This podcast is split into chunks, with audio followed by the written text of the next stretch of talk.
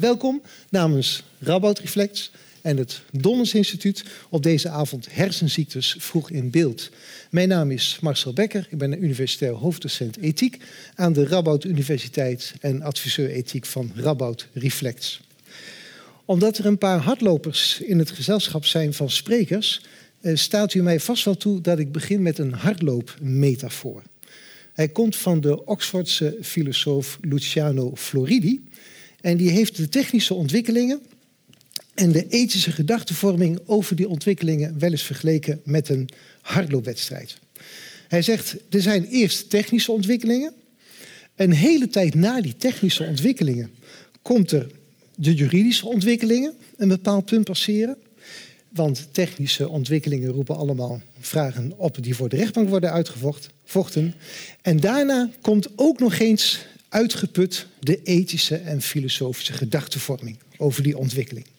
Techniek heeft altijd de voorsprong, is altijd eerst. En dan een tijd later komt pas de reflectie over wat die techniek eigenlijk betekent en hoe we daarmee moeten omgaan. Maar vanavond proberen we die reflectie en de technische ontwikkelingen wat bij elkaar te brengen, wat te verkleinen. Misschien dat we wel kunnen zeggen dat we vanavond vanuit de ethiek en filosofie een beetje aan vroegdiagnostiek van die ontwikkelingen gaan, eh, gaan doen. Dat thema, vroegdiagnostiek bij Alzheimer, dat roept allemaal, allemaal vragen op en zeer uiteenlopende vragen. Hele feitelijke vragen als wat kunnen we wel en wat kunnen we nu precies wel en niet zien en in de toekomst te verwachten wat we wel en niet kunnen zien. En hele principiële vragen. Verandert ons beeld van ziekte en gezondheid? Vanavond komen die zeer uiteenlopende invalshoeken aan bod. Dat garandeer ik u. We hebben namelijk drie verschillende sprekers: een neuroloog, een geriater en een filosoof. Ze houden ieder een lezing van 15 minuten. En na die drie kwartier gaan ze met elkaar in gesprek en met u in gesprek. En om negen uur, laten we zeggen vijf over negen, sluiten we de avond af. Nou, eerst het woord aan Edo Richard. Edo is als neuroloog verbonden aan het Radboud, Radboud Alzheimer Centrum. Recentelijk kreeg hij een grote onderzoeksbeurs om onderzoek te doen naar de relatie tussen bloeddruk en kans op dementie. Maar ik heb begrepen dat hij daar niet specifiek over zal spreken. Het woord is aan uh, Edo.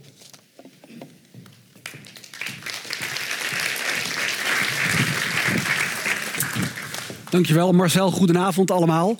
Uh, we gaan het vanavond hebben over een steeds vroegere diagnose. En wij gaan het toespitsen op dementie. Maar het gaat eigenlijk ook over allerlei andere hersenziekten. Dat zult u vanzelf merken. Ik ben dus als neuroloog hier verbonden aan het Radboud UMC. Ik zie daar patiënten en ik doe wetenschappelijk onderzoek. En ik dacht, voordat we gaan beginnen en over de zin en onzin van een vroege diagnose gaan praten, moeten we misschien eerst een veel voorkomend misverstand uit de weg helpen. In ieder geval, bij sommigen van u komt dat misschien voor. Want wat is nou eigenlijk het verschil tussen dementie en Alzheimer? Nou, dat is eigenlijk niet zo heel ingewikkeld. Dementie is een overkoepelend, uh, overkoepelende term. En dat betekent eigenlijk dat je een aandoening hebt die leidt tot stoornissen in het denken en het gedrag. En dat moet dan ook nog hinder geven in het dagelijks leven. Dan spreken we van dementie. En er zijn heel veel verschillende ziekten die tot dementie kunnen leiden. En de meest voorkomende ziekte is de ziekte van Alzheimer, waarbij mensen langzaamaan geheugenklachten krijgen. En dat komt door afwijkende eiwitten in de hersenen. Maar er bestaat bijvoorbeeld ook vasculaire dementie. Dat komt door vaatschade in de hersenen. Mensen die na meerdere beroertes dementie ontwikkelen. En er is ook overlap tussen die twee. Ze komen vaak samen voor. En daarnaast is er dan nog een grote groep met veel zeldzamere oorzaken, zoals bijvoorbeeld frontotemporale dementie. Nou, ik werk dus op de geheugenpolykliniek en dan zie ik regelmatig mensen met geheugenklachten. En die zijn meestal oud, zoals deze mevrouw de Vries hier. En die komen dan met een partner of met een kind en die vertellen over de problemen. En deze mevrouw die is 75 jaar en die zegt: um, nou, Ik heb eigenlijk al sinds een jaar ongeveer geheugenklachten. Voor, vroeger had ik echt een fantastisch geheugen. Ik kon alles goed onthouden. Het gaat gewoon minder goed. En een man bevestigt dat. Die zegt: Ja, soms dan uh, hebben we iets besproken. En dan drie dagen later weet ze het niet meer precies. Of soms vertelt ze een verhaal wat ze een paar dagen daarvoor ook al heeft verteld. Verder leiden ze een onafhankelijk leven. Ze wonen samen. Die mevrouw die speelt tennis in een naburig dorp. Daar gaat ze op de fiets naartoe. als het slecht weer is, pakt ze soms de auto. Dat is een klein stukje. Ze spelen bridge samen. Gaat ietsje minder goed. Ze winnen wat minder de laatste tijd. En, ehm, en, verder doen ze bijvoorbeeld de financiële administratie. Dat hebben ze altijd al samen gedaan. Maar die echtgenoot zegt, ja, ze is wel veel onzekerder geworden. Dus ze begint een beetje op mij te leunen. De vraag is natuurlijk, is dit nou het begin van een slopende hersenziekte? Of is het misschien toch betrekkelijk onschuldig? Dus wat moeten we nu doen met deze mevrouw in de spreekkamer? Zegt u, nou, dit moeten we natuurlijk verder gaan uitzoeken. Je wil weten wat de oorzaak is. Misschien kan je er wel iets aan doen, misschien niet. Uh, misschien is er wel iets anders aan de hand. Je zou ook kunnen zeggen, nou ja, dat komt toch heel veel voor op hogere leeftijd. Ze is 75. Misschien moeten we gewoon maar even niks doen. Ze functioneert toch eigenlijk nog prima thuis met de beperkingen die er zijn. Ik zie er gewoon over een jaar of als het nodig is eerder terug. We hebben geen formele stemkastjes, maar ik zou even willen peilen hoe u in de zaal daarover denkt. Dus iedereen die denkt, ja, dit moeten we natuurlijk verder uitzoeken, graag de hand omhoog. Goed ver omhoog, dan kan ik het een beetje zien. Ja, oké, dank u wel. En iedereen die denkt van nou, rustig aan, even maar afwachten hoe dit zich gaat ontwikkelen. Oké, nou, het is aardig verdeeld. Iets meer mensen zijn voor het tweede antwoord, maar toch ook behoorlijk wat mensen voor het eerste antwoord. En misschien voelt u het al aankomen. U hebt allebei wel een beetje gelijk, denk ik. Dus de vraag is: zou je het nou vroeg willen weten als je het begin van dementie hebt? En er zijn heel veel argumenten voor te geven. En ik heb er een paar op een rij gezet. De eerste is: nou, je wilt toch gewoon zekerheid hebben. Nou, dat is natuurlijk waar, maar dan moet je wel een test hebben waarmee je die ziekte ook met zekerheid vast kan stellen.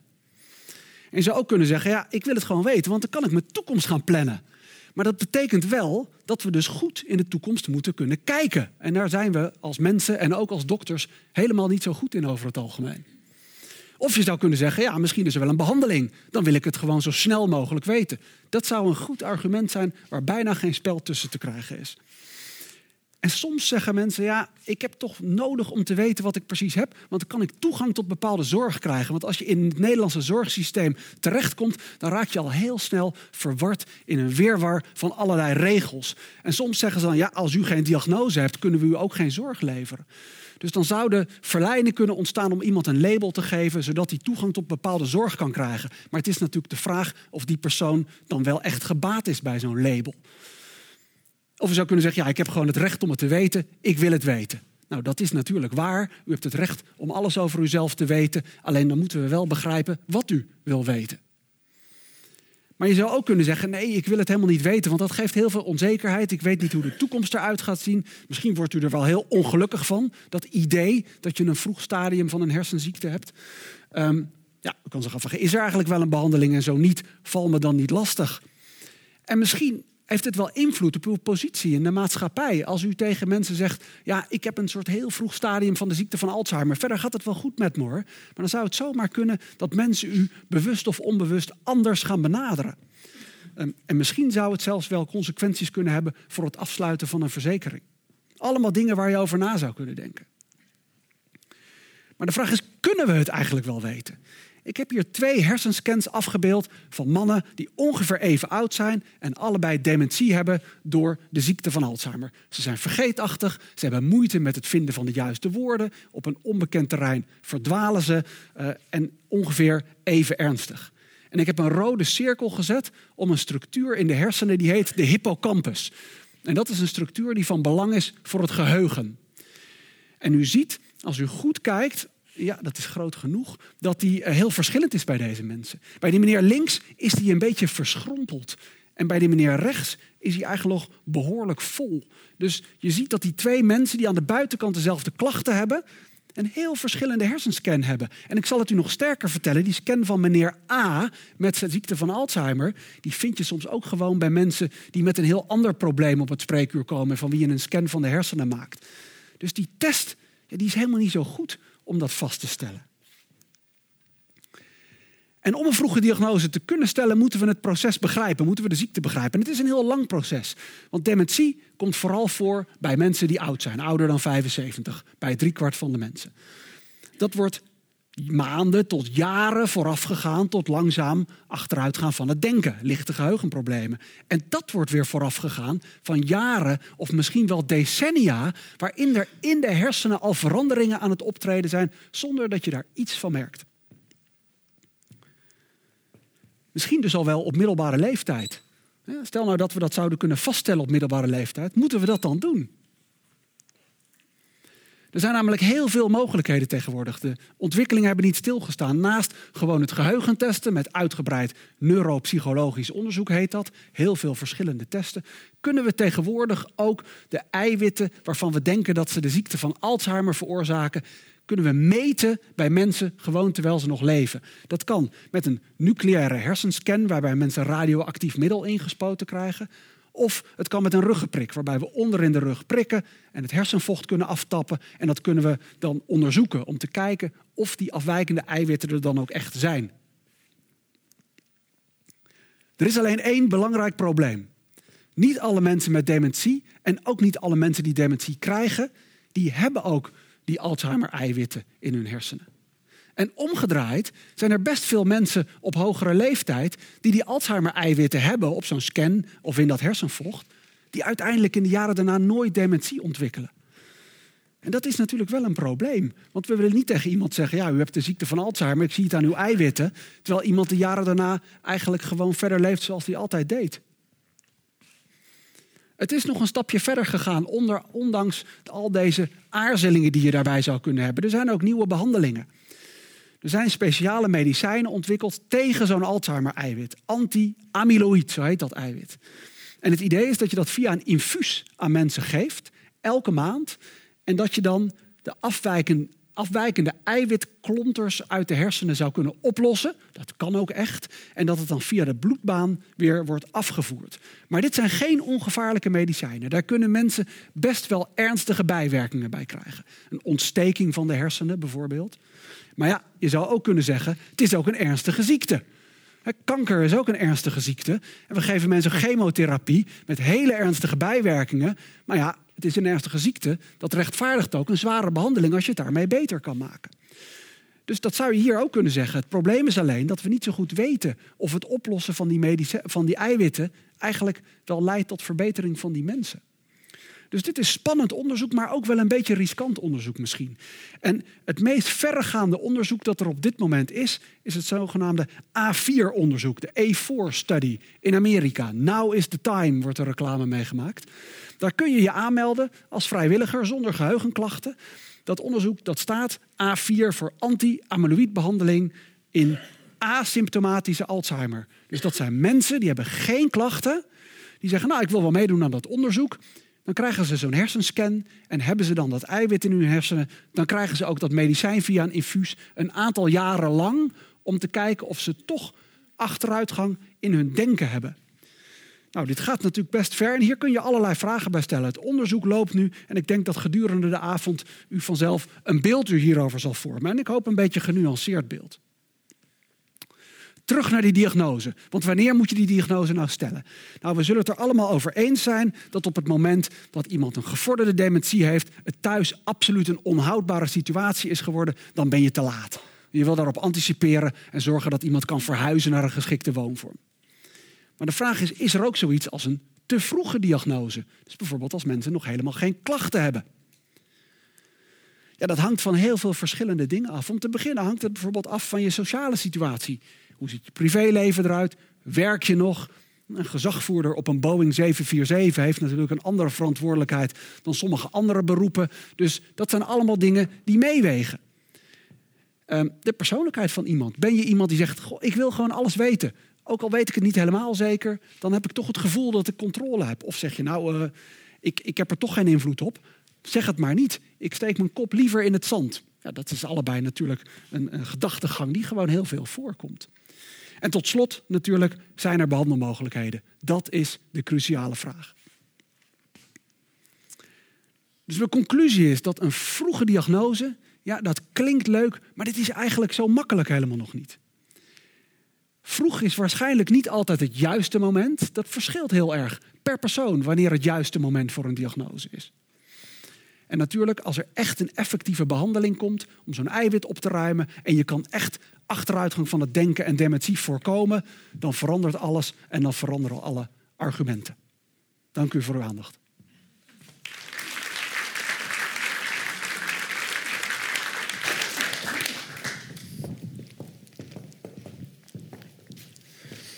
Dank uh, Edo voor het zo helder presenteren van de vragen die deze moeilijke thematiek uh, aankleven.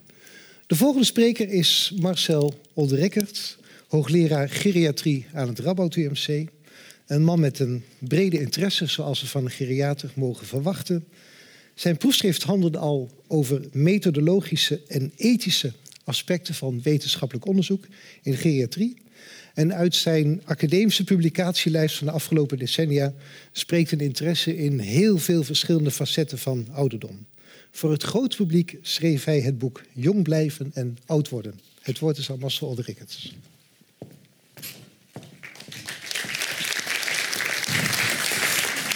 Dankjewel voor deze introductie. Ehm, en dank ook aan Edo voor eh, de heldere opmaat eh, die u al veel informatie heeft gegeven over wat je in dit dilemma zo kunt verwachten. Ik wil daar eh, op, op verder gaan en eigenlijk met, met u delen hoe ik daar met schade en schande ehm, wat heb geprobeerd een, een, alternatieve route te vinden. Um, schade en schande, dat wil zeggen een aantal ervaringen zal ik met u delen over casuïstiek die niet allemaal even gelukkig is afgelopen.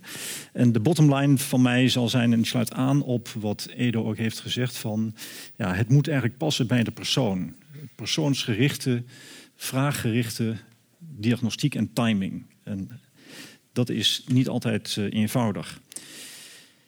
Die timing die, um, die begon eigenlijk heel laat. Dit is uh, Alois Alzheimer, die in uh, 1907 eigenlijk um, de eerste keer een casus beschreef. En hij heeft nog wat later dat ook echt gepubliceerd. Dat is eh, een mevrouw die eigenlijk heel jong was, 54 jaar. En die al heel ver gevorderd was in haar dementie voordat die diagnose eigenlijk werd gesteld formeel. Ze had heel veel gedragsproblemen. Was ook een heel speciale casus eigenlijk. En later bleek, en dat is nog maar een, eh, een, jaar of vijf geleden vastgesteld, dat het een echt overervende vorm van Alzheimer was bij die mevrouw. Hij heeft die diagnose dus heel laat gesteld. En die laatste, die, die 100 jaar daarna die we nu hebben, is dat steeds meer opgeschoven naar vroege diagnoses. En het lastige daarbij, vind ik zelf, is dat vroege diagnostiek eigenlijk de ongeschreven wet is geworden. De ongeschreven wet van dat is de beste vorm door zo vroeg mogelijk die diagnose vast te stellen. Eigenlijk is dat ook wat Alzheimer Nederland uitstraalt en ook meegeeft in al zijn campagnes. Stel nou zo vroeg mogelijk die diagnose. de vraag is of dat, uh, of dat altijd goed is. Een paar dingen uit onderzoek wil ik uh, met u langslopen. Um, dit is een vergelijkend onderzoek wat mensen heeft bevraagd op een geheugenpolykliniek, bij start van een geheugenpolykliniek, zo'n 120 mensen uit Engeland, zo'n 120 mensen uit de Verenigde Staten. En die konden aangeven op eenvoudige schaaltjes uh, met een aantal vragen wat ze vonden van zeg maar, acceptatie van zo'n diagnose. Of dat ze veel verlies zouden ervaren, of dat ze een stigma zouden ervaren. Um, en hoe ze eigenlijk verwachten dat ze er last van zouden hebben, het lijden. En wat je hier ziet op een schaal van uh, 0 tot 100 is eigenlijk dat er op al die domeinen, men verwacht wel dat ze de diagnose kunnen accepteren als die zou gesteld worden, maar tegelijkertijd dat het ook toch heel veel last en lijden met zich mee zou brengen en verlies van autonomie. Dus dat is in ieder geval geen gemakkelijke diagnose. Het is geen diagnose die, uh, ja, die populair is. Het tegendeel. En het is ook een denk ik voor veel ouderen, veel mensen die ouder worden, een, een soort angstige wolk die boven de pensionering, boven het Zwitserleven hangt van en nu zou ik zo graag gaan profiteren, als maar niet die dementie komt. Dus dat is um, iets wat bij veel mensen um, leeft en wat dus de vraag is, oproep van moet je dat nou vertellen of niet? Nou, ik zal niet alle voor- en nadelen uh, langslopen, dat komt zo ook nog aan bod. Um, twee, kort twee verhaal de casus die ik heb meegemaakt. Een, een, mevrouw die eigenlijk vrij jong was, ergens in de 50, onderwijzeres, die steeds moeilijker eigenlijk de les kon voorbereiden. Ze sliep steeds slechter, was eigenlijk daar heel erg mee bezig. En zij kwam bij mij in een heel vroeg stadium met de vraag van... zou hier dan ook een, een dementie kunnen spelen? Nou, we hebben er getest. Ehm, eigenlijk viel dat allemaal heel erg mee qua neuropsychologische testuitslagen. we hebben een scan gemaakt, ook dat viel heel erg mee. Ehm, dus er waren nog niet zo heel veel aanwijzingen. Het volgende jaar eigenlijk kwam zij opnieuw terug met nog meer klachten van... ik kan er eigenlijk niet goed tegen, het wordt me te veel.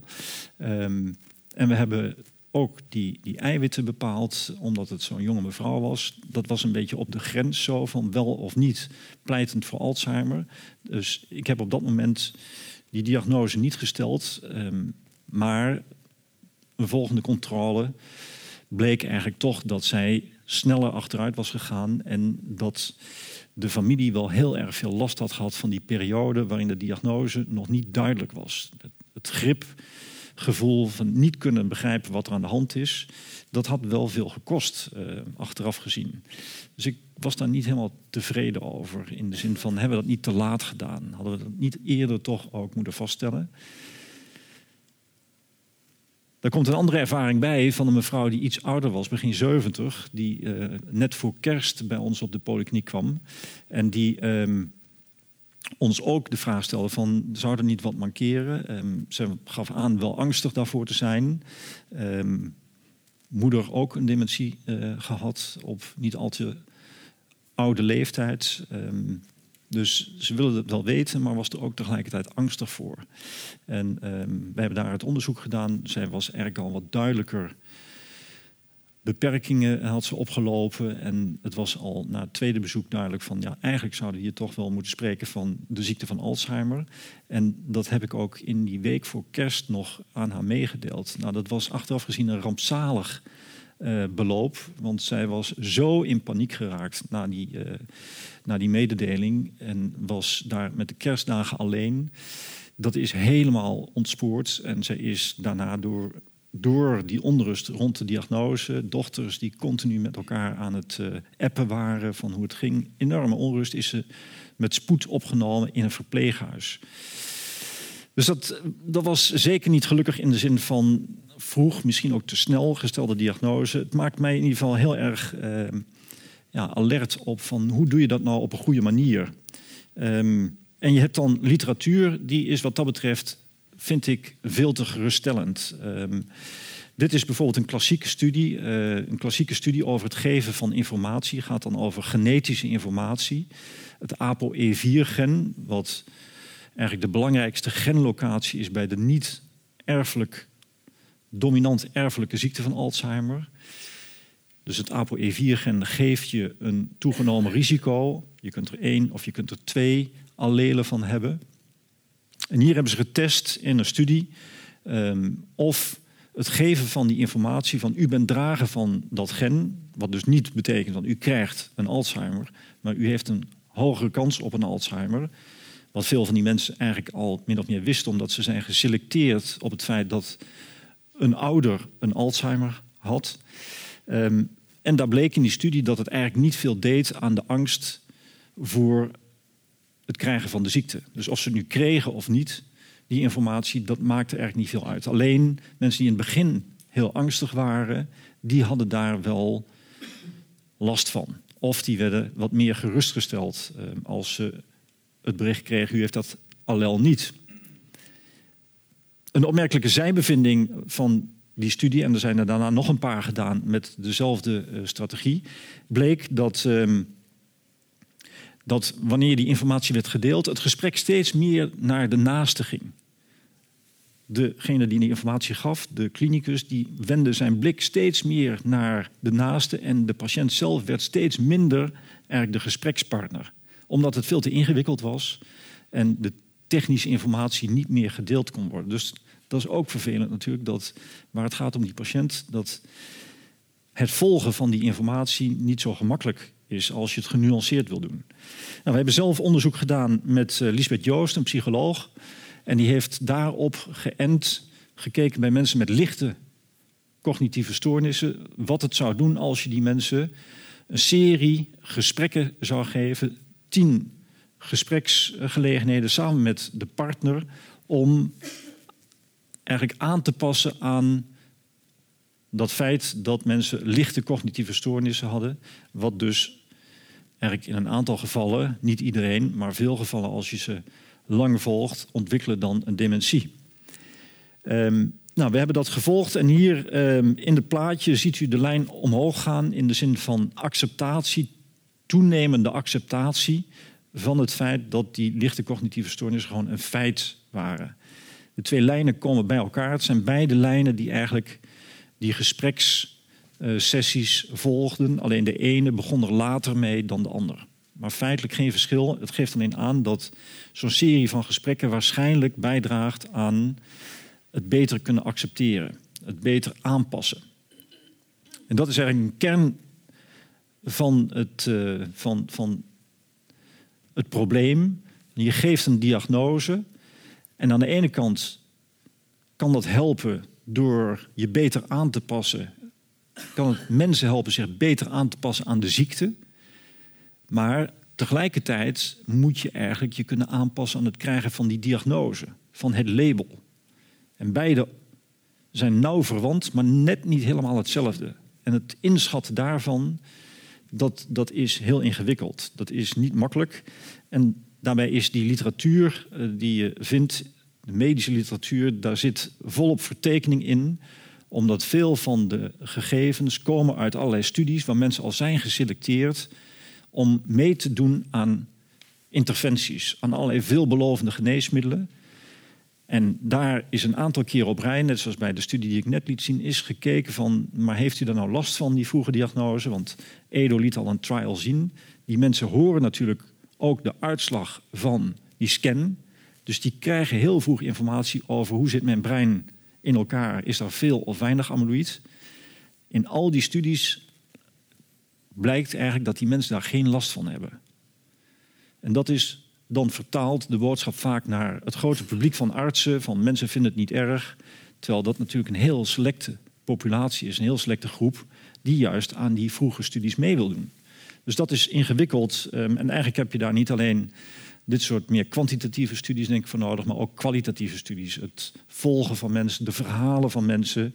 Ehm, en je kunt dan wel informatie geven, zoals genetisch mensen informatie geven. Maar je moet daarbij heel goed bedenken hoe je die informatie verpakt en hoe je dat helpend laat zijn bij dat individu. Nou, daar zijn heel veel uh, strategieën voor. Uh, die tien gesprekken is er één. Allerlei handreikingen um, die je kunt doen. Maar het, het, kan denk ik niet genoeg benadrukt worden dat alleen maar het stellen van de diagnose onvoldoende is. Alleen die vroege diagnose in de zin van het gesprekje is onvoldoende voor de meeste mensen om zich te kunnen aanpassen. En het vraagt ook daarna nog activiteiten, het in de gaten houden van mensen. Hoe valt dat? Hoe kun je helpen met de aanpassing? En dat is gelukkig ook een van de kwaliteitsindicatoren, kwaliteitscriteria die nu wordt gesteld aan een goede diagnostiek. Dat er altijd volop moet zijn. Dus wat mij betreft de conclusie, mensen verschillen te veel om die vraag naar vroegdiagnostiek in één keer te beantwoorden. Er is niet een altijd juist antwoord voor iedereen. Uh, vaak moet je eerst eens nagaan van wat is nou precies de vraag die ons hier gesteld wordt. Is dat een vraag naar echt die diagnose of zijn er andere problemen in het dagelijks leven die eigenlijk de verpakking uh, zijn of de achtergrond? En is dat antwoord dan wel te geven? Kun je nu wel het juiste antwoord geven? En hoe verwoord je dat dan? Dus natuurlijk een hoog en een laag opgeleide patiënt. Nou, dat vraagt al heel veel aanpassing van ons om die uh, diagnose goed te vertalen. En uiteindelijk je ook realiseren van wat is de betekenis van wat ik hier vertel voor dat verhaal, voor die mevrouw of meneer. Dus al met al een grote uitdaging voor ons, denk ik, zowel onderzoeksmatig, maar ook in de spreekkamer, om daar op een goede manier passende vroeg diagnostiek of juist wat minder vroeg diagnostiek te stellen. Dank u wel voor de aandacht.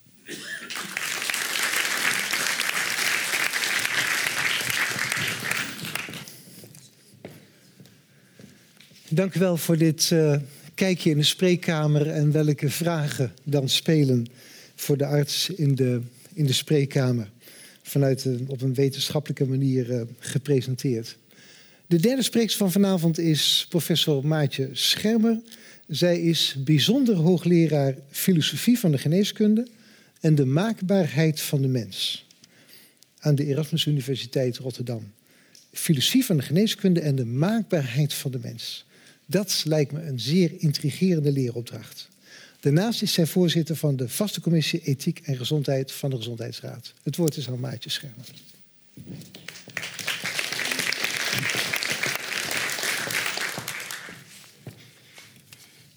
Ja, goedenavond allemaal. Dankjewel Marcel voor de, voor de introductie. Uh, aan mij de, de, mooie taak om als ethiek de reflectie een beetje achteraf uh, te geven. Maar niet helemaal achteraf, want er komt zo meteen nog gelegenheid om met de zaal uh, ook verder te spreken hierover. Ik ga wat meer filosofische en ethische reflecties bieden op het hele thema van die vroegdiagnostiek. En tot nu toe zijn de voorbeelden vooral gegaan over de ziekte van Alzheimer en over dementie. Uh, en ik wil het eigenlijk ietsjes breder trekken, omdat ik denk dat die vroege diagnostiek eigenlijk ook een trend is die je in meer gebieden van de geneeskunde ziet. Dus niet alleen bij de ziekte van Alzheimer zie je dat er steeds vroeger gekeken wordt naar kunnen we diagnoses stellen, maar ook bij andere uh, ziektes en aandoeningen, bijvoorbeeld de ziekte van Parkinson, uh, maar ook bij diabetes, de prediabetes, dus nog voordat je echt diabetes hebt. Er zijn natuurlijk allerlei gezondheidstestjes in de omloop waarmee je kan kijken van hè, heb ik al iets onder de leden of ben ik nog gezond? En we kennen allemaal de verschillende screeningsprogramma's vanuit de overheid, bevolkingsonderzoek op, op darmkanker of op borstkanker. Ook allemaal bedoeld eigenlijk om zo vroeg mogelijk erbij te zijn. Dus ik denk dat er in die zin sprake is van een, van een zekere trend in de geneeskunde. Een trend die je zou kunnen zeggen naar preventieve en predictieve geneeskunde. En daar zijn eigenlijk uh, kenmerkend voor die predictieve en preventieve geneeskunde de, de drie V's. De V van vroeg opsporen. Dus zo vroeg mogelijk proberen erbij te zijn. Dat wil zeggen nog voordat er sprake is van klachten of van symptomen. Of in een stadium dat er nog hele lichte klachten of symptomen zijn. Uh, de tweede V is die van voorspellen. Dan gaat het eigenlijk niet eens zozeer om het opsporen van een ziekte, maar meer om het voorspellen van de kans op ziekte. En dat kan bijvoorbeeld aan de hand van uh, risicofactoren die je vast kan stellen. Kan uh, meespelen van uh, wat voor leeftijd heeft iemand, wat is iemands genetische profiel, maar ook wat is de leefstijl van iemand. Dat zijn allemaal factoren die mee kunnen spelen in een risico op ziekte, wat je kan gaan voorspellen. En ook bijvoorbeeld uh, dingen die Edo net noemde, die eiwitten in de, in, de, uh, in de hersenen, die je eigenlijk al heel vroeg kan vaststellen. En waarvan je ook kan zeggen, nou dat geeft aan dat er een verhoogde kans is dat iemand de ziekte van Alzheimer gaat krijgen. Dus dat is het voorspellen. En de derde V, uh, dat is de V waar we het eigenlijk dan allemaal voor doen. Hè, het voorkomen. Want we hopen natuurlijk dat met vroeg opsporen of voorspellen van risico's, dat we ook kunnen voorkomen dat mensen daadwerkelijk echt ziek worden. Uh, dat betekent ook dat je iets van interventies moet hebben. Dat kan soms leefstijlinterventies zijn, dat je mensen aanraadt om anders te gaan leven, om hun risicofactoren te, uh, te verbeteren, minder kans op die ziekte te lopen. Kan ook betekenen dat je mensen die in principe eigenlijk nog gezond zijn, toch alvast gaat behandelen met bepaalde medicatie om die ziekte te voorkomen. En dat heeft op zichzelf ook weer positieve en negatieve effecten. Daar komen we op terug. Er zijn twee vragen die ik uh, aan de hand van, eh, van, over deze trend eigenlijk wil bespreken. Dat is, de eerste vraag is, wat doet die trend van dat steeds vroeger uh, diagnosticeren en het voorspellen van ziektes, wat doet die met ons begrip van wat ziekte en gezondheid zijn? Dat is wat meer de filosofische vraag. En de tweede vraag, is meer de ethische vraag. Uh, is die trend naar steeds vroeger diagnosticeren en steeds meer voorspellen van ziekte, uh, is dat ethisch gezien een wenselijke trend? Is dat goed dat we dat doen? Doen we er goed aan? Ja, dat is een beetje de basisvraag van de ethiek. Begin met de meer filosofische vraag: van wat doet deze beweging naar vroege diagnostiek en voorspellen van risico's op ziekte? Wat doet dat nou met ons idee van wat ziekte en gezondheid zijn? Als je kijkt naar het plaatje links, dan zien we daar een meisje op schoot bij mogelijk de moeder of een verzorgster. Een mooi schilderij van uh, Gabriel Metsu is dat. En we zien eigenlijk allemaal, daar hoef je geen dokter voor te zijn, dat dat meisje ziek is. Ze is bleek, Je ziet dat ze zich niet lekker voelt. Waarschijnlijk heeft ze koorts, misschien is ze wat kortademig, moet ze hoesten. Uh, we kunnen kortom zien dat, dat, dat het meisje ziek is. Ze voelt zich niet goed, er is fysiek ongemak aanwezig. Het kind is gewoon ziek. Kijken we naar deze meneer, dan denkt u mogelijk: oh, dat zal wel een meneer met de ziekte van Alzheimer zijn. Want daar hebben we het tenslotte over. Maar niets is minder waar. Dit is de filosoof Gadamer, Hans-Georg Gadamer. Die is maar liefst 102 jaar oud geworden. En heeft tot op hoge leeftijd ook filosofie bedreven. En heeft geschreven over ziekte en gezondheid. En hij heeft het vooral gehad over gezondheid. Wat is gezondheid? En hij zegt het typerende voor gezondheid is eigenlijk dat je dat niet merkt. Dat je niet bewust je gezond voelt. Eigenlijk voel je je pas dat je gezond was zegt Gada, maar op het moment dat je ziek wordt. Dus zolang dat lijf alles gewoon doet zoals het, het hoort te doen, dan valt het eigenlijk niet op. Dan ben je gezond, maar dat is niet een toestand waar je heel op een positieve manier bewust van bent. Dus in tegenstelling tot ziekte, wat een gevoel van onwelbevinden is en van fysieke beperking, is gezondheid eigenlijk de afwezigheid daarvan. Dus gezondheid en ziekte zijn elkaars uh, tegenpolen, zou je kunnen zeggen. Je bent, als je gezond bent, dan ben je niet ziek en als je ziek bent, ben je niet gezond dichotomie. Nou, en precies die dichotomie komt op de schop als we vroege diagnostiek gaan bedrijven. Om dat verder uit te leggen, uh, wil ik even naar dit uh, idee van ziekte als drie-eenheid. En dat is een idee wat uit de filosofie en de sociologie komt. Daar wordt eigenlijk gezegd, nou ziekte is eigenlijk niet, het heeft verschillende aspecten is misschien niet zozeer één ding, maar er zitten verschillende kanten aan. In het Nederlands kunnen we dat niet zo mooi uitdrukken. Daar hebben we eigenlijk vooral het woord ziekte en ziek. Maar in het Engels zijn er verschillende woorden voor die die verschillende aspecten wat beter uh, onder de aandacht brengen. Dus vandaar dat ik het in het Engels heb opgeschreven eerste aspect van ziekte is eigenlijk wat eh, in het Engels illness heet. En dat is het subjectieve gevoel van ziek zijn, van je niet goed voelen. Wat we konden zien op de vorige dia, dat dat meisje daar last van had. Dus koorts, pijn, benauwdheid, je lichaam wat ja, wat het niet doet, waar je niet uh, mee kan eh, doen wat je normaal kan doen. De beleving van ziek zijn. Ik denk dat iedereen dat wel kent. Hè? Al is het maar van een simpel griepje uh, tot ernstigere ziekte. Gewoon het gevoel, je voelt aan je lijf dat je ziek bent. Subjectieve ziekteervaring. Tweede aspect is wat in het Engels disease wordt genoemd. En dat slaat dan meer op het biologische aspect van ziekte. Dan gaat het echt om de afwijkingen op niveau van cellen en weefsels, uh, waar, waar biologisch gezien een ziekteproces aan de orde is. Dus er kan bijvoorbeeld een ontsteking uh, aan de gang zijn, kunnen cellen zijn die ontsporen en kankercellen worden, biologische proces van ziekte. En een derde, en daar ga ik wat minder kort op in, minder op in, is sickness. Dat is meer de sociale kant van het ziek zijn. Dus als je ziek bent, dan kunnen anderen ook erkennen dat je ziek bent. Dan mag je bijvoorbeeld in bed blijven een dagje. Dan hoef je niet naar school toe of niet naar je werk toe. Of als je ernstig ziek bent, langdurig ernstig ziek, heb je bijvoorbeeld recht op een uitkering. Dus er zijn allerlei sociale arrangementen rondom ziekte. Dus die drie aspecten van ziekte kan je aanduiden met illness, disease en sickness. Nou, meestal in een meer traditionele opvatting van ziekte, dan vallen die drie eigenlijk samen. Dat is nummertje één, helemaal in het midden. Dan is er zowel een biologisch ziekteproces, een ontsteking in de longen bijvoorbeeld, als een gevoel van ziek zijn, koorts, benauwdheid, kortademigheid, hoesten. En iedereen die begrijpt dat jij niet naar school kan of niet uh, naar je werk kan. Je bent gelegitimeerd om in bed te blijven. Dat is een beetje het traditionele plaatje van ziekte.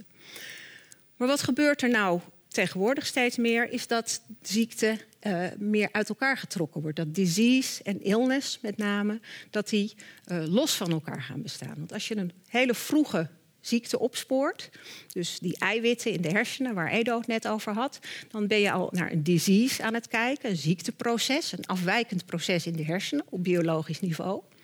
Maar er is nog totaal geen sprake van illness. Want de persoon heeft nergens last van, die merkt helemaal niks. Dus disease en illness vallen dan eigenlijk niet meer samen. Dat betekent dat naarmate we meer aan vroegdiagnostiek gaan doen en steeds vroeger in zo'n biologisch ziekteproces al gaan zeggen: hé, hey, daar is iets aan de hand, daar is sprake van disease, hoe meer we uh, mensen op gaan sporen waar wel dus een biologisch ziekteproces is, disease, maar die zich helemaal niet ziek voelen waar eigenlijk niks meer aan de hand is, tenminste vanuit hun subjectieve ervaring. Dus dan zou je kunnen zeggen dat zijn asymptomatische vormen van ziekte. Maar als je nou zo'n ziekteproces hebt, zo'n diseaseproces, en het gaat nog minstens tien jaar duren voordat je daadwerkelijk die klachten gaat krijgen en die symptomen gaat ontwikkelen. dat er echt sprake is van illness, dat je je echt niet lekker gaat voelen. Stel nou dat het ook nog eens niet helemaal zeker is dat je die ziektesymptomen en die klachten ooit gaat ontwikkelen. Want misschien houdt dat ziekteproces wel ergens op, of misschien krijg je ondertussen een ongeluk en ben je er over tien jaar helemaal niet eens meer. Dus als het nou niet zo duidelijk is of dat biologische proces überhaupt ooit gaat leiden tot het gevoel van ziekte, dan zou je je af kunnen vragen: moeten we dat dan nog wel ziekte noemen? Is het dan nog wel ziekte? Of zou je dat op een andere manier moeten bekijken? Je zou kunnen zeggen, misschien moeten we het dan eerder hebben over het risico op ziek worden. Het risico dat je ooit klachten en symptomen krijgt, het risico op illness. En dat betekent ook dat die dichotomie tussen ziekte en gezondheid niet meer zo scherp is. Dat er eigenlijk een soort grijs gebied, hier is het meer een gekleurd gebied, bestaat tussen totaal, eh, totaal gezond en ziekte. En dat je allerlei tussenstadia krijgt van pre-ziektes, eh, risico op ziektes, et cetera. Dat betekent ook dat er een steeds grotere groep patiënten komt, of mensen komt, die eigenlijk een soort pre-patiënt zijn. Dus er is wel iets biologisch in dat lijf, maar die mensen hebben nergens last van. En als je het goed bekijkt, heeft iedereen natuurlijk wel een bepaalde mate van risico op ziekte, op biologische afwijkingen. Dan kan je langzamerhand wel af gaan vragen of mensen überhaupt ooit nog 100% gezond zijn. Dus dat simpele idee van je bent of ziek of gezond, dat gaat heel erg op de helling. En het idee dat uh, zolang je gezond bent, uh, dat er geen sprake is van ziekte, dat, dat gaat eigenlijk ook op de helling. Dat was het meer filosofische stukje. We gaan nu naar de ethiek. Uh, en de vraag daarbij is, een vraag die ook al in de eerdere praatjes een beetje aan de orde is geweest: is het nou een goed idee, deze trend naar steeds vroeger mensen opsporen met ziektes en het voorspellen van risico's op ziektes? Nou, heel veel mensen denken, ja, natuurlijk. Want hoe eerder je erbij bent, hoe beter. En bovendien, nou ja, baat het niet, dan schaadt het ook niet. Ik denk dat we dat beeld een beetje moeten nuanceren vanuit de ethiek. Als we dan kijken naar de, de medische ethiek, die gaat vaak uit van een aantal uh, grondbeginselen, principes. Uh, principe van weldoen, dat we mensen zoveel mogelijk het gezondheid en welzijn moeten bevorderen. Principe dat je mensen geen schade toe moet brengen. Het principe dat mensen hun eigen keuzes en wensen mogen hebben en dat je die moet respecteren. Het principe van autonomie. En als laatste het principe van rechtvaardigheid. En als je vanuit deze principes kijkt naar die hele vroege opsporing van ziektes, dan kan je daar een aantal argumenten uit destilleren aantal argumenten zijn er zeker te geven voor vroeg opsporen van ziekte of voor het voorspellen van het risico op ziekte. En de belangrijkste is natuurlijk van ja, als je iets preventiefs kan doen, als je kan voorkomen dat iemand echt ziek wordt of dat het ernstiger wordt, dan is dat natuurlijk heel mooi. Dat is absoluut een argument hè, om mensen te helpen gezondheid te verbeteren. Maar in heel veel gevallen is de vraag of dat ook wel kan. En in het geval van de ziekte van Alzheimer is er dus eigenlijk niet iets wat je kan doen preventief blijkt uit onderzoek wel dat mensen dan soms hun heil gaan zoeken in bijvoorbeeld alternatieve geneesmiddelen of voedingssupplementen, die soms eigenlijk meer kwaad dan goed doen. Dus het is de vraag of dat een goede richting is. Ander argument om wel aan vroege opsporing te doen is, uh, wat ook al genoemd is, dat mensen daar meer zekerheid of duidelijkheid aan kunnen ontlenen. Dan weet je tenminste waar je aan toe bent. Nou, dat zal voor de een een goed argument zijn en de ander zal dat juist helemaal niet willen weten. Hetzelfde geldt een beetje voor de mogelijkheid om je voor te bereiden op de toekomst.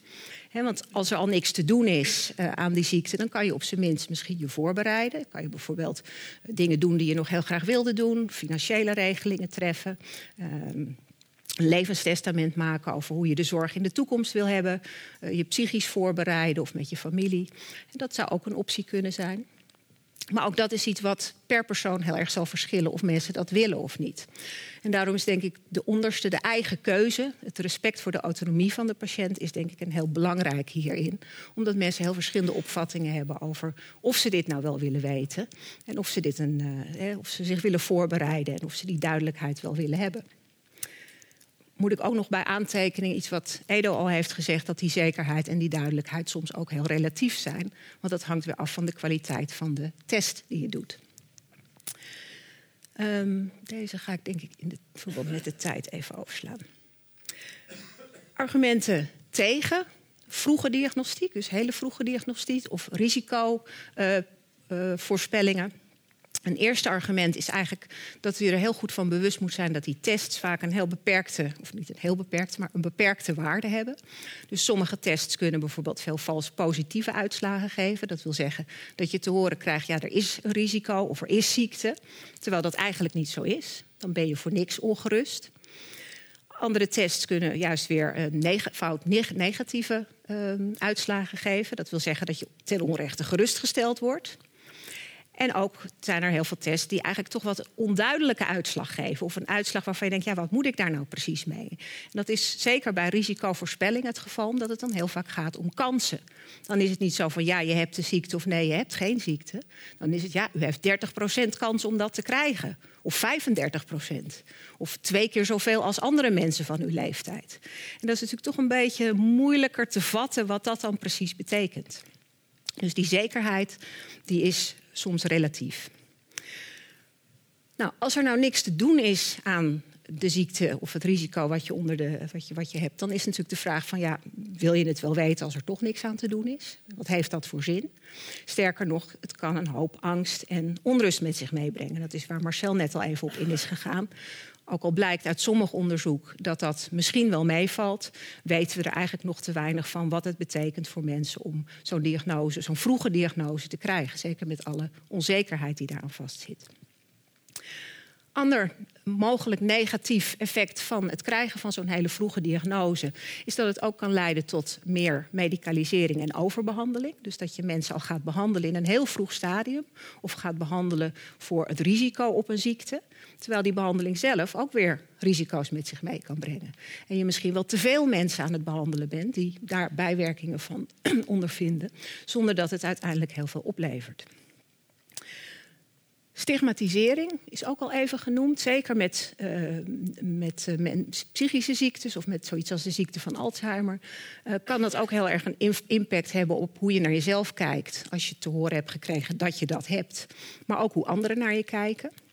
Het is zelfs zo dat uit onderzoek blijkt dat als mensen te horen krijgen dat ze een verhoogd risico hebben op de ziekte van Alzheimer en op dementie, dat ze dan vervolgens op geheugentestjes al slechter gaan presteren dan dat ze daarvoor deden. Eigenlijk omdat er ergens mentaal al het idee in dat hoofd zit van oh, er is iets met mij. Dus dat heeft een heel, heel sterk effect.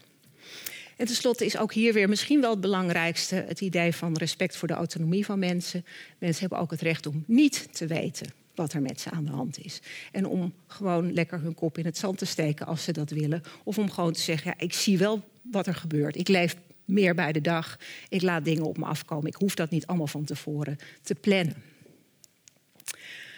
Kortom, als het gaat over de ethiek van vroege diagnostiek, dan zijn er een aantal dingen die je tegen elkaar af moet wegen. Een aantal vragen die je moet stellen. Verbetert het nou echt de gezondheid en het welzijn van mensen? Doet het echt goed?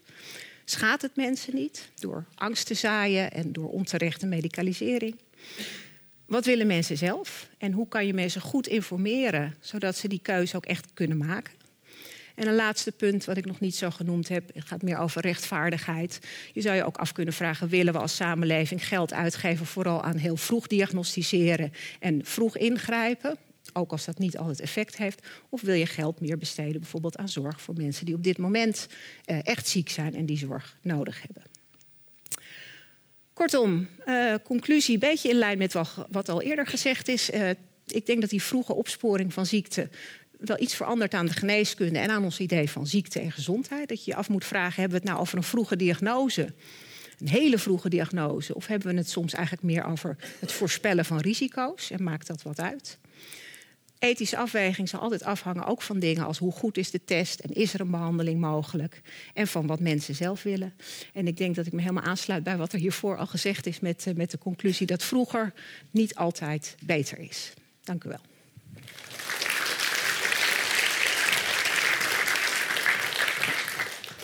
Hier zitten.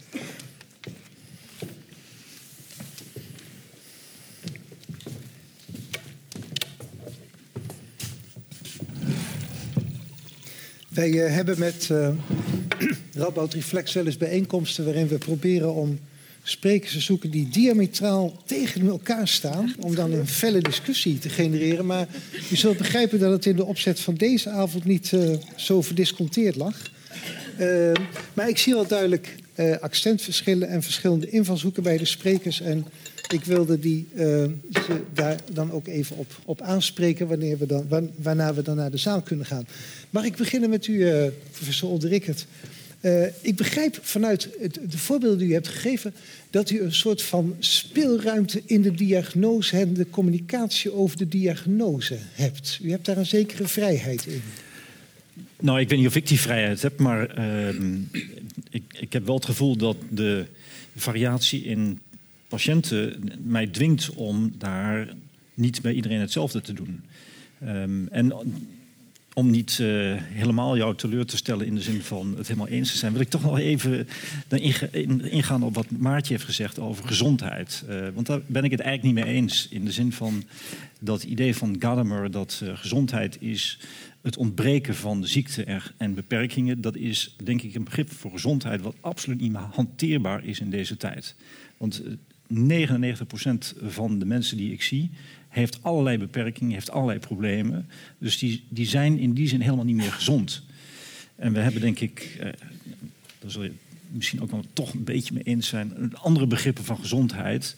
Eh, zoals een, een, Nederlandse vorm, in de zin van het in staat zijn tot aanpassing, ook bij beperkingen.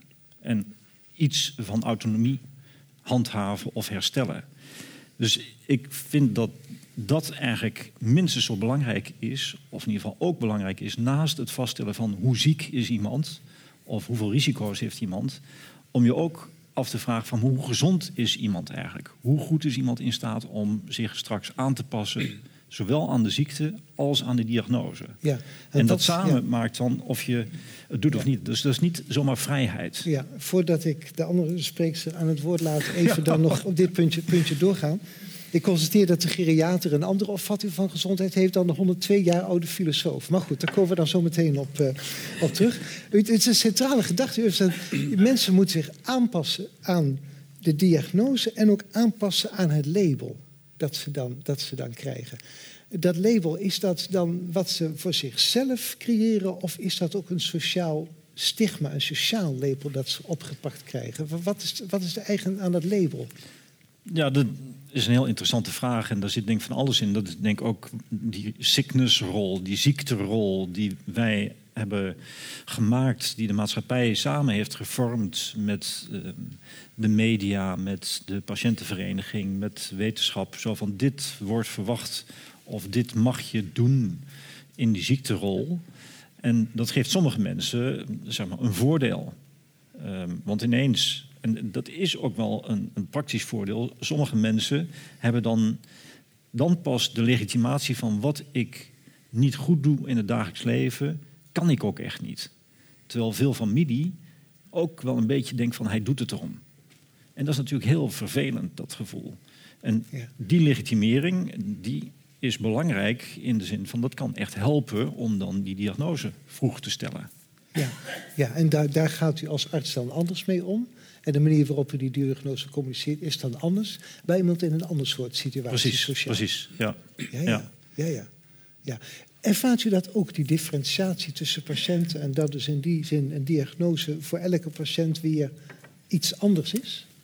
Ja, zeker. En ik denk dat daar ook uh, um, een beetje geneeskunst naar boven komt. In aanvulling, je hebt natuurlijk de geneeskunde. We, zijn, we werken hier in een academisch ziekenhuis. We willen alles doen volgens het geldende wetenschappelijk bewijs. Maar niet iedereen past in het geldige wetenschappelijke bewijs. Juist door de persoonlijkheid en door, door hoe mensen in het leven staan en hoe ze aankijken tegen problemen. Dus ik ervaar zeker ook wat uh, collega Rickert ervaart. Um, dat je dat heel erg moet afstemmen. Ja, mag ik dan een gewetensvraag stellen? Hebt u niet eens de neiging gehad dat u dacht van nou, dat ga ik deze mensen maar even niet vertellen, ook al weet ik het? Jazeker. Ja, maar mensen hebben toch recht op volledige informatie? Zeker. Dat mag toch niet? Nou, ik snap dat u die vraag zo stelt. En je moet daar natuurlijk heel voorzichtig mee zijn. Maar uiteindelijk ben ik er als dokter om te proberen het beste voor mensen te doen. En als iets uh, buiten kijf staat en het is duidelijk, dan moet je altijd eerlijk en open alles tegen mensen zeggen. Maar als, zoals u uit alle verhalen hebt gehoord, is het soms niet zo eenduidig. Ja. En soms is er twijfel. En soms is het verstandiger, je kan iemand ook zieker maken dan die is. Door hem iets te vertellen, wat dan uiteindelijk één of twee jaar later blijkt een storm in een glas water te zijn geweest. En als het dan gaat om een ziekte waar geen echte behandeling voor is waarmee je die ziekte kan afremmen, dan kan het soms verstandiger zijn om die onzekerheid maar even te laten bestaan. En niet iemand zeggen, ja, het zou kunnen dat u die ziekte hebt. Ja, misschien ook niet, want dat is het enige wat mensen dan nog horen. Ja. Maar natuurlijk moet je altijd open en eerlijk tegen patiënten communiceren. Ja, ja maar het principe van weldoen kan, op die manier, kan dan op die manier Daar zo kan een soort, soort uh, spanningsveld ontstaan. Ja, ja, dat is een van de vier principes die u noemde. Het principe van weldoen in de, in de gezondheidsethiek. Uh, u schetste een continuum tussen uh, disease en health. En dat we allemaal in principe een beetje ziek zijn daarmee eigenlijk. En daarmee sluit ik ook aan op wat, wat uh, uh, professor Odderik het net uh, zei. M mijn vraag is eigenlijk, is dat nou puur begrippelijk zo dat filosofen en sociologen dat hebben bedacht? Of wordt dat door mensen ook steeds meer zo ervaren? Dat, dat we allemaal een beetje ziek zijn en dat continuum. Ligt dat ook in de ervaring van mensen besloten of hebt u dat bedacht? Nou, ik heb het sowieso niet zelf bedacht. Ik denk, het zou iets zijn wat we zo eens aan de zaal kunnen vragen. Maar ik denk wel dat dat meer dan vroeger, en dat is al een tijdje gaande natuurlijk met allerlei vormen van diagnostiek, van bewustwording, van risico's op ziekte, dat dat wel meer zo is dan eh, zeg 100 jaar geleden. 100 jaar geleden denk ik inderdaad, ja, dan was je gezond totdat je ziek werd. En dat was dan waarschijnlijk een infectieziekte. En dan was je gewoon duidelijk ziek. En daarna was je weer gezond. Ja. Ik denk wel dat dat gaandeweg de, de vorige eeuw steeds meer is opgeschoven naar een bewustzijn van een ja, zekere fragiliteit ook van dat lichaam. Dat er van alles mis kan zijn. Dat er genen zijn die daar invloed op hebben. Dat je misschien wel iets erfelijks belast bent. Dat je leefstijl uitmaakt. Eh, kortom, dat, je, ja, dat dat toch een wat brozere balans is geworden. Ja. Kunnen we ons misschien dan ook niet zelf wat meer gaan instellen op de brozere balans? En dat we ook zelf wat meer weerbaar daartegen worden? Dus aan de ene kant blijken we fragieler te zijn, omdat we allemaal in principe een beetje ziek zijn. Maar dan kunnen we onszelf ook weer sterker tegen maken tegenover wapenen. Nee, het, het, opent natuurlijk ook een heleboel mogelijkheden. Ik bedoel, het is ook niet voor niks dat er onderzoek in die richting wordt gedaan. Dat mensen daar ook interventies bedenken. Het opent ook heel veel mogelijkheden om daadwerkelijk langer gezond te blijven. Bijvoorbeeld om inderdaad aan, aan preventie te doen. Ja, en ik denk in zekere zin dat als je beseft dat ja, iedereen wel bepaalde risico's heeft, meerdere of mindere mate ja, dat dat misschien ook wel uh, goed is om dat te beseffen. En dat, je ja, ook wel en dat we daar doen. steeds meer aan gaan wennen, dat we allemaal. Nou ja, hoe meer je te horen krijgt van, oh je hebt dit en dit en dit en dit risico, hoe meer je misschien ook wel denkt, nou ja, iedereen heeft wel dat. Ja, dus meneer Olderik, dan gaan we dus steeds beter om met dat label ook. Dan moeten we als cultuur gewoon een beetje wennen dat we al die labels opgeplakt krijgen, maar er worden ook steeds weerbaarder daartegen. Dat, dat zou kunnen, maar uh, ik zie toch nog wel een aantal uh, echt, echt grote uitdagingen. Bijvoorbeeld zeg maar de, de risicoscores die er nu zijn, waarmee je bij de geboorte eigenlijk van iemand kunt bepalen wat zeg maar, statistisch de kans is dat hij een Alzheimer ontwikkelt of dat hij een hartziekte ontwikkelt. Um, ik denk dat wij, als we er al beter mee kunnen omgaan, dat het eigenlijk vanaf de geboorte ermee omgaan wel echt ja, voor mij een brug te ver is. Uh, en dan ben je al afhankelijk van ouders die dat dan weer goed proberen te, te managen. Wat bedoelt u met een brug te ver? Nou, ik, ik, denk dat een kind wat, wat volwassen wordt, uh, eerst moet leren om met zijn gewone gezondheid om te gaan. En pas dan in staat is om in te schatten van ja, wat betekent dat als ik eventueel ja. eerder een, een ja. aandoening krijg. Moet ik mijn gedrag daar nu al op aanpassen? Want dat is dan de boodschap. Hè? Dat je je leefstijl vanaf heel jong moet gaan aanpassen op een ziekte die je over 50, 60 jaar zou kunnen krijgen. Ja, dus kinderen hebben wat dat betreft misschien ook wel meer een recht op niet weten. Dat denk ik wel. En, maar dat is allemaal nog niet uitgekristalliseerd. De techniek, dat was uh, waar ik mee begon, de techniek loopt veel harder dan uh, het nadenken erover. Ja. Dus dit soort vragen komen zeker aan bod. En dan krijg je die vroege risico-ontmaskering. Uh, die, die ja. heel veel vragen buiten het ziektedomein oplevert. Ja. En ik denk dat het ook nog wel een verschil maakt of je het hebt over aanpassen aan je ziekte en je label, waar, waar je het een beetje over had, of dat het gaat over omgaan met dat je risico's loopt. Want dat is natuurlijk veel minder tastbaar dan, dan de ziekte op het moment dat je echt symptomen hebt. Dat je om moet leren gaan met je, met je beperkingen is iets anders dan om leren gaan met een toch wat onzekere toekomst waarin misschien beperkingen op gaan treden, maar misschien ook niet. Ja, alleen ik denk wel dat zeg maar, een aantal belanghebbenden in dit spel.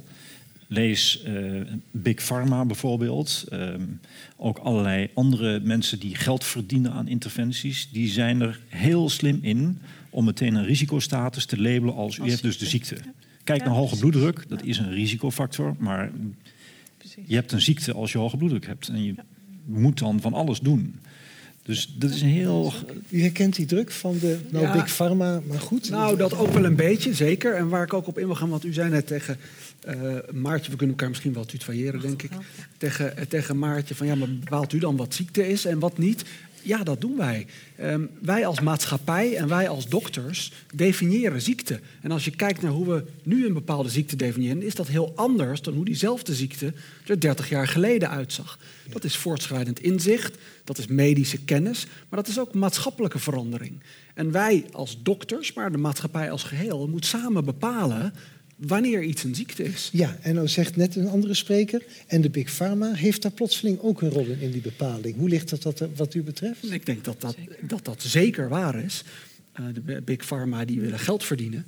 En er zijn heel veel voorbeelden van dat die proberen om steeds meer mensen onder een ziektelabel te krijgen, zodat we daar pillen aan kunnen voorschrijven. Ja. En dan hebben wij natuurlijk als dokters en als wetenschappers, denk ik, de morele plicht om, uh, om te proberen het beste te doen uiteindelijk voor mensen en niet voor de portemonnee van een paar mensen. Ja, dus als we hier iemand van Big Pharma hadden binnengehaald, was de avond vast een stukje oneenigheid geweest. Uh, Oké, okay, goed. Uh, we zijn gekomen met het afsluiten van de avond. Ik wil, zou graag twee dingen daar kort even over willen opmerken.